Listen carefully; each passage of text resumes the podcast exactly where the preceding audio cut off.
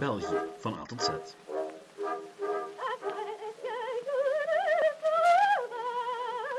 Welkom bij Geschiedenis van België. En welkom bij letter Z. Z voor Zwin. U weet wel, het natuurgebied. Wat dat te maken heeft met geschiedenis? Wel, veel. Want de geschiedenis van het Zwin is evengoed een geschiedenis van klimaatverandering, overstromingen, dijken, de steden Damme, Sluis en Brugge. Want geloof het of niet, maar het Zwin zou wel eens dé reden kunnen zijn voor het ontstaan van het prachtige middeleeuwse stadscentrum. Of hoe een moeras, een overstroming en wat West-Vlaamse vindingrijkheid allemaal zou leiden tot een waar handelsimperium. En, tegelijkertijd, haar uiteindelijke onvermijdelijke ondergang. Dat en nog veel meer in deze laatste aflevering van België van A tot Z. Het Zwin. Het klinkt waarschijnlijk een iets wat vreemd onderwerp voor een geschiedenispodcast. En dat zou ik ook vinden, waar het niet dat ik aan de UGent het prachtvak Ecologische Geschiedenis heb gevolgd. Een prachtvak omdat het me over dingen deed nadenken waar ik nooit eerder bij stil heb gestaan. Ecologische geschiedenis is de studie van de ontwikkeling van de relatie tussen mens en natuur. En hoe die twee elkaar in de loop van de tijd steeds opnieuw beïnvloeden. En eens dat concept in mijn kop zat, kreeg ik het er maar niet uit. En dat, liefste luisteraar, heeft tot deze aflevering geleid. Want het Zwin is zoveel meer dan een natuurgebied. Wel, was zoveel meer. Vandaag is het inderdaad een relatief klein natuurgebied op de grens met Nederland. Maar het was veel meer en het heeft heel veel betekenis gehad voor de geschiedenis van wat nu België is. En net daarom is het een prachtvoorbeeld van ecologische geschiedenis. Eentje dat heel veel impact heeft gehad op normale geschiedenis. In dit geval bijvoorbeeld de stad Brugge en haar geschiedenis. Maar laat ons gewoon beginnen bij het begin. En het begin, wel, dat is een grote vlakte, bezaaid met weinig meer dan struiken en zand. En sneeuw, veel sneeuw. Een toendra dus, zoals men die nu nog in Siberië kan terugvinden. Inclusief permanent bevroren ondergrond en een totaal gebrek aan zeewater. Want tijdens de ijstijden reikte de zee niet tot aan onze gewesten. De Noordzee bestond nog niet en van een Belgische kust was dan ook nog geen sprake. Zelfs toen het ijs smolt, bleven onze gewesten nog een hele tijd buiten bereik van de Zoute Zee. In de plaats van de tundra kwam er een redelijk Scandinavisch landschap, exclusief de bergen. Denk aan grote dennenwouden. Nu, tot 3500 was heel het landschap bedekt van die grote wouden. Eerst dennenwouden, dan later loofwouden. Maar daarna begon langzaam maar zeker onze kust zich te vormen. Of in elk geval een bepaalde versie hiervan. Want eerlijk, de hedendaagse kustlijn die kreeg pas zijn huidige vorm in de 15e eeuw. Maar daar zeg ik later nog iets over. Nu, dat is een proces van overstromingen en dijken en zo verder. Maar vanaf 3500 vormden zich duinen, met daarachter een groot moeras. Een zoetwatermoeras dat langzaam maar zeker al het woud dat er oorspronkelijk stond verteerde en in zich opnam. En die vegetatie zou in de loop der millennia veen worden. Een soort sponsachtige grondsoort bestaande uit oude vegetatie. Wat volstrekt oninteressant klinkt voor niet-geologen, maar als je dat veen laat drogen, dan krijg je turf. En laat turf nu net een van de belangrijkste brandstoffen zijn voordat men steenkool ging ontginnen. En die turf die was echt wel heel essentieel. Nu, daar kom ik nog op terug. Terwijl het veen zich aan het vormen was, veegden stormen de duinen weg. Maar die zee die nam de kustvlakte nooit volledig in. In plaats daarvan bracht de zee klei en leem, die werd afgezet bovenop het veen, waardoor dat plots landbouwgronden werden. En toen, wel, toen kwam de mens. De mens die vestigde zich bovenop de vruchtbare kleigronden en na verloop van tijd ontdekte men het veen in de bodem. En ontdekte men als men dat droogde, men turf kreeg, wat een uitstekende brandstof was. Een brandstof die heel nuttig was in een koude winter bijvoorbeeld. Het gevolg was turfwinning, het uitgraven van al die brandstof. Nu, weet u wat er gebeurt als u een groot deel van de ondergrond wegneemt in een bepaald gebied? Eeuwen aan een stuk? Wel, um, het grondniveau dat daalt. Wat betekent dat een deel van de streek onder zeeniveau komt te liggen. En als er dan een grote storm kwam, wel, dan was de kans heel groot, doordat die kuststreek lager lag dan het zeeniveau, dat een groot deel van dat kustgebied overstroomd raakte. Wat ook gebeurde. In de derde eeuw na Christus overstroomde de hele kustvlakte, helemaal tot aan Brugge. Wel, de plek waar nu Brugge ligt. Zo'n kleine 15 kilometer dus van waar zich nu onze kustlijn bevindt. Niet dat heel dat gebied echt zee was, het was meer een soort van waddengebied. Een ondiep zeegebied waar men enkel bij hoogtij overvaren kon. En bij gevolg ook volstrekt onbewoonbaar. De boeren trokken zich terug naar het binnenland, maar tegen 700 na Christus was een deel van de kustvlakte opnieuw bedekt geraakt met zand en klei. Maar schepen konden door gebruik te maken van diepe vaargeulen in het moeras tot in het binnenland raken. En hoe dieper ze in het binnenland doordrongen, hoe minder moeras er was en hoe meer ze omringd werden door velden vol met vee en dorpen.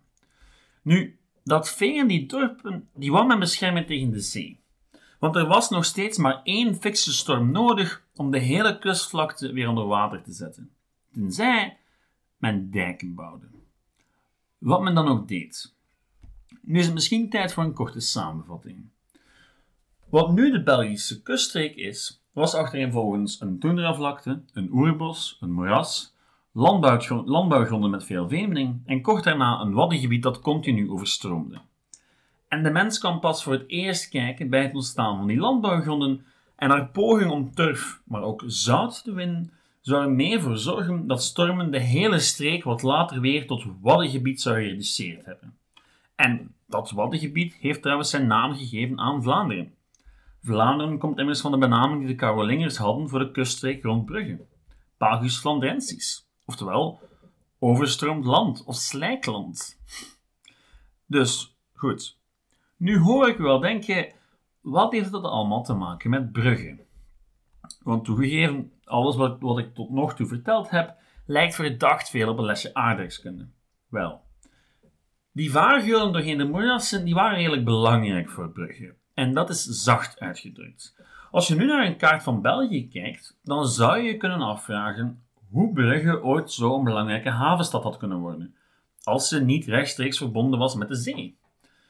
Wel, het antwoord is redelijk eenvoudig. Brugge was verbonden met de zee. In elk geval voor een tijdje. Brugge was met de zee verbonden door die vaargeulen die dwars door de kustmoerassen liepen. Meestal waren die niet diep genoeg om grote schepen door te laten, maar als er af en toe een grote storm langskwam, wel, dan werden die geulen uitgediept. En laat dat dan net zijn wat er gebeurde in de 11e en de 12e eeuw. Het lot van Brugge als handelsstad was altijd al verbonden geweest aan die vaargeulen. De eerste bewoning in de streek was een Galro-Romeinse nederzetting in de 2e eeuw na Christus. En toen verbond een geul Brugge bijna rechtstreeks met de Noordzee. En bij werken in de buurt werd zelfs een Romeins scheepvaart aangetroffen. U weet wel, op een plek die nu meer dan 15 kilometer in het binnenland ligt. Nu, die nederzetting die zou weer verdwijnen toen de kustvlakte opnieuw gereduceerd werd tot een moerasvlakte en de vaargeulen te ondiep waren geworden. En daar zie je eigenlijk al een patroon dat zich nog eens gaat afspelen. Vanaf de 8e eeuw begon Brugge zich te ontwikkelen, maar de echte doorbraak kwam er pas in de 12e eeuw. Concreet met de stormvloed van 1134. En hier in 1134 ontstond het Zwin. En dat was toen geen klein natuurgebiedje in de buurt van Knokke, met een oppervlakte van minder dan 2 vierkante kilometer. Nee, het was een uit de kluiten gewassen getijnkanaal dat van de zee tot aan Brugge reikte. Wel, initieel. Want oorspronkelijk had de storm een gat in de kustlijn geslaan van meer dan 6 kilometer breed. Van Westkapelle tot Knokke om precies te zijn. Navigeren tussen die twee kustgemeentes in konden schepen via een diepe vaargeul 15 kilometer naar het binnenland varen. Zelfs de zeeschepen die veel dieper in het water lagen, konden nu tot vlak bij Brugge komen. En hier, in 1134, ontstaat het Zwin. Of toch zeker de benaming. Zwin is namelijk de naam die gebruikt werd voor een getijdengeul. En dat was nu eenmaal een vaargeul waar boten door konden varen bij vloed.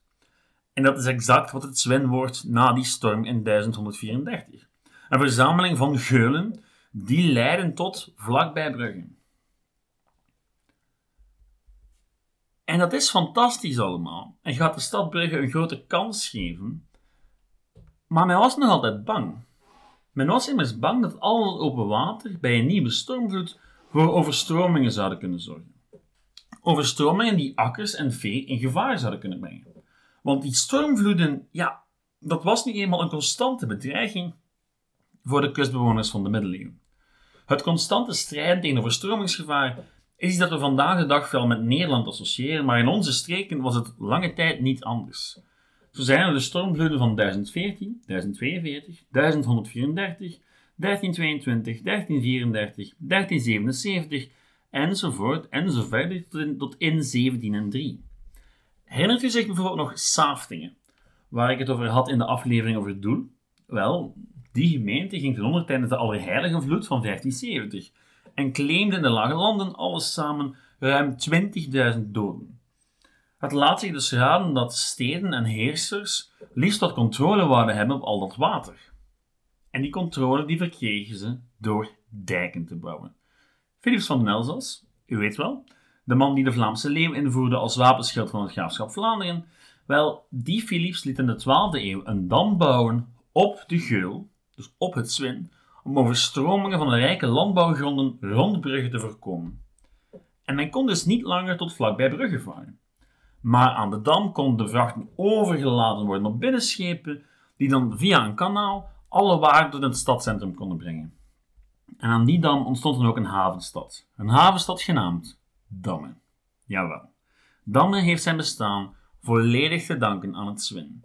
En Damme bloeide. Damme werd een relatief belangrijke handelsstad. Er werden zelfs, zelfs huwelijken afgesloten van de hertogen van Bourgondië. Maar, wel, het duurde niet al te lang. Het samenspel tussen natuur en mens mocht Damme dan wel tijdelijke voorspoed gebracht hebben. Datzelfde samenspel zou op termijn het einde, in, het einde inleiden van de bloei. Wat me brengt tot de polder. Want een polder is geen louter Nederlands fenomeen.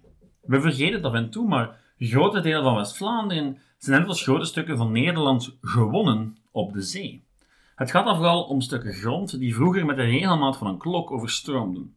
En in sommige gevallen zelfs dagelijks, zoals het Zwin. En dat soort gronden werd lang met rust gelaten door de lokale bevolking. Tot, wel, er plots niet genoeg grond meer was. Toch geen vrije grond meer. En men dus naar een oplossing zocht. En dat moment arriveerde in het midden van de 12e eeuw, met andere woorden, vlak na het ontstaan van het Zwin. Toen begon de bevolking toe te nemen en was er bij gevolg een grote vraag naar voedsel. En ook een grote nood naar land om voedsel op te verbouwen. Die vraag was zo groot dat men al vlug naar de zee begon te kijken. Want kon men die niet op een of andere manier terugdringen? En zo ja, hoe dan? Wel, dijken. Men zou dijken aanleggen. Er waren al dijken, maar buiten die dijken had zich vruchtbaar slip opgehoopt. Wat betekent dat die gronden eigenlijk uitstekend waren voor landbouw. Waren het niet dat de zee de neiging had om die gronden af en toe terug te overstromen. En om dat tegen te gaan, werd rond dat gebied een nieuwe dijk gebouwd. Om het land definitief te winnen van de zee en dus ook de overstroming van de kersverse landbouwgronden tegen te gaan. Toegegeven, dat klinkt allemaal redelijk logisch en ook heel positief voor de streek. Meer landbouw, meer mensen, meer handel. Kijk hoe. Er was echter één groot probleem met die verpoldering van de kuststreek. Dat vruchtbare slip dat de vloed met zich meenam, kon nergens meer naartoe. Dus zonk het maar naar de bodem van de vaargeulen in het Zwin. Vaargeulen die bij gevolg ook één voor één dichtslippen, tot er nog maar één smalle geul overbleef die schepen tot een dammen brengen kon. Maar naarmate er steeds meer landbouwgrond en steeds minder zwin was, slipte ook die laatste geul dicht en verloor dammen alle belang omdat ze simpelweg niet meer te bereiken was. In plaats daarvan werd er in het jaar 1400 een nieuwe haven uit de grond gestampt. En Brugge zou nog wel een tijdje een belangrijke en machtige handelsstad blijven, maar hoe meer het Zwin dichtslipte, hoe moeilijker het voor zeeschepen werd om een goederen in Brugge te krijgen. En tegelijkertijd had er zich in Brabant een aantrekkelijk en makkelijk te bereiken alternatief aangeboden. Antwerpen. En Brugge zou nog wel pogingen doen om het zwin in stand te houden, maar bij gebrek aan moderne baggerboten à la Jan de Nul was er geen beginnen aan. De geulen werden kleiner en kleiner, zodat minder en minder en steeds minder grote schepen nog de weg naar Brugge vonden. En zo dus zou Brugge in de eeuwen die volgden steeds minder en minder belangrijk worden. Of waar je in het centrum van Brugge vooral middeleeuwse gebouwen terugvindt, en weinig anders. Omdat de bloeiperiode van Brugge net in die middeleeuwen was, en men in de periode erna weinig geld had om in grote bouwwerken te investeren. Pas in de 19e eeuw zou opnieuw een bouwwoede heersen in de stad. Maar ja, tegen dan deed men net zijn uiterste best om er alles zoveel mogelijk uit te laten zien zoals in de glorieperiode. Of zoals men dacht dat de glorieperiode eruit zag. Nu, dat is een apart hoofdstuk van de Belgische geschiedenis en dat verdient, zoals zoveel dingen, zijn eigen aflevering. De geschiedenis van Swin eindigt natuurlijk niet met de verzanding van de vaarguren. Lange tijd bleef het Swin zich een heel eind naar het binnenland uitstrekken. En af en toe kreeg het zelfs weer haar omvang van weleer terug. Door menselijk toedoen, natuurlijk. Tijdens de 80-jarige oorlog bijvoorbeeld werden de dijken doorstoken en liepen heel wat polders onder water. Eigenlijk fungeerde het zwin tijdens die periode als grens, met forten aan beide zijden. Eens de oorlog voorbij echter, ja, dan startte die inpoldering gewoon opnieuw. En uiteindelijk zou in 1872 de zwinmonding zelfs afgesloten worden van de zee door de bouw van een nieuwe dijk. En wat de rest eh, was er nog onontgonnen gebied, waar steeds meer beetjes van afgeknabbeld werden, door de aanleg van kanalen, nieuwe polders en jawel, badsteden. Wat uiteindelijk overblijft vandaag de dag is een natuurpark, dat slechts een fractie is van het oorspronkelijke zwin, maar wel een boeiend aandenken is van hoe bijna de hele Belgische kust er ooit moet hebben uitgezien. En daarom is het zwin zo'n mooi voorbeeld van ecologische geschiedenis. Het toont hoe wij impact hebben op natuur en die impact dan weer een gevolg heeft voor ons. En zo draait het cirkeltje door. Goed, tot daar de geschiedenis van het zwin en tot daar letter Z, de laatletter van het alfabet, wat van deze aflevering ook de laatste maakt van dit seizoen. Dit seizoen, ja, want de podcast komt terug. Toch zeker tot september? Minstens. De details kan je binnenkort horen in de eerste deel van de podcast. Graag dank je nu nog gewoon nog voor het luisteren. Met suggesties voor de toekomst of vragen kan je zoals altijd terecht op de Facebookgroep Geschiedenis van België of geschiedenis van het. Op die Facebookgroep vindt u ook enkele kaarten en afbeeldingen terug en mijn bronnen. Uh, goed, tot daar. Tot binnenkort. Ciao.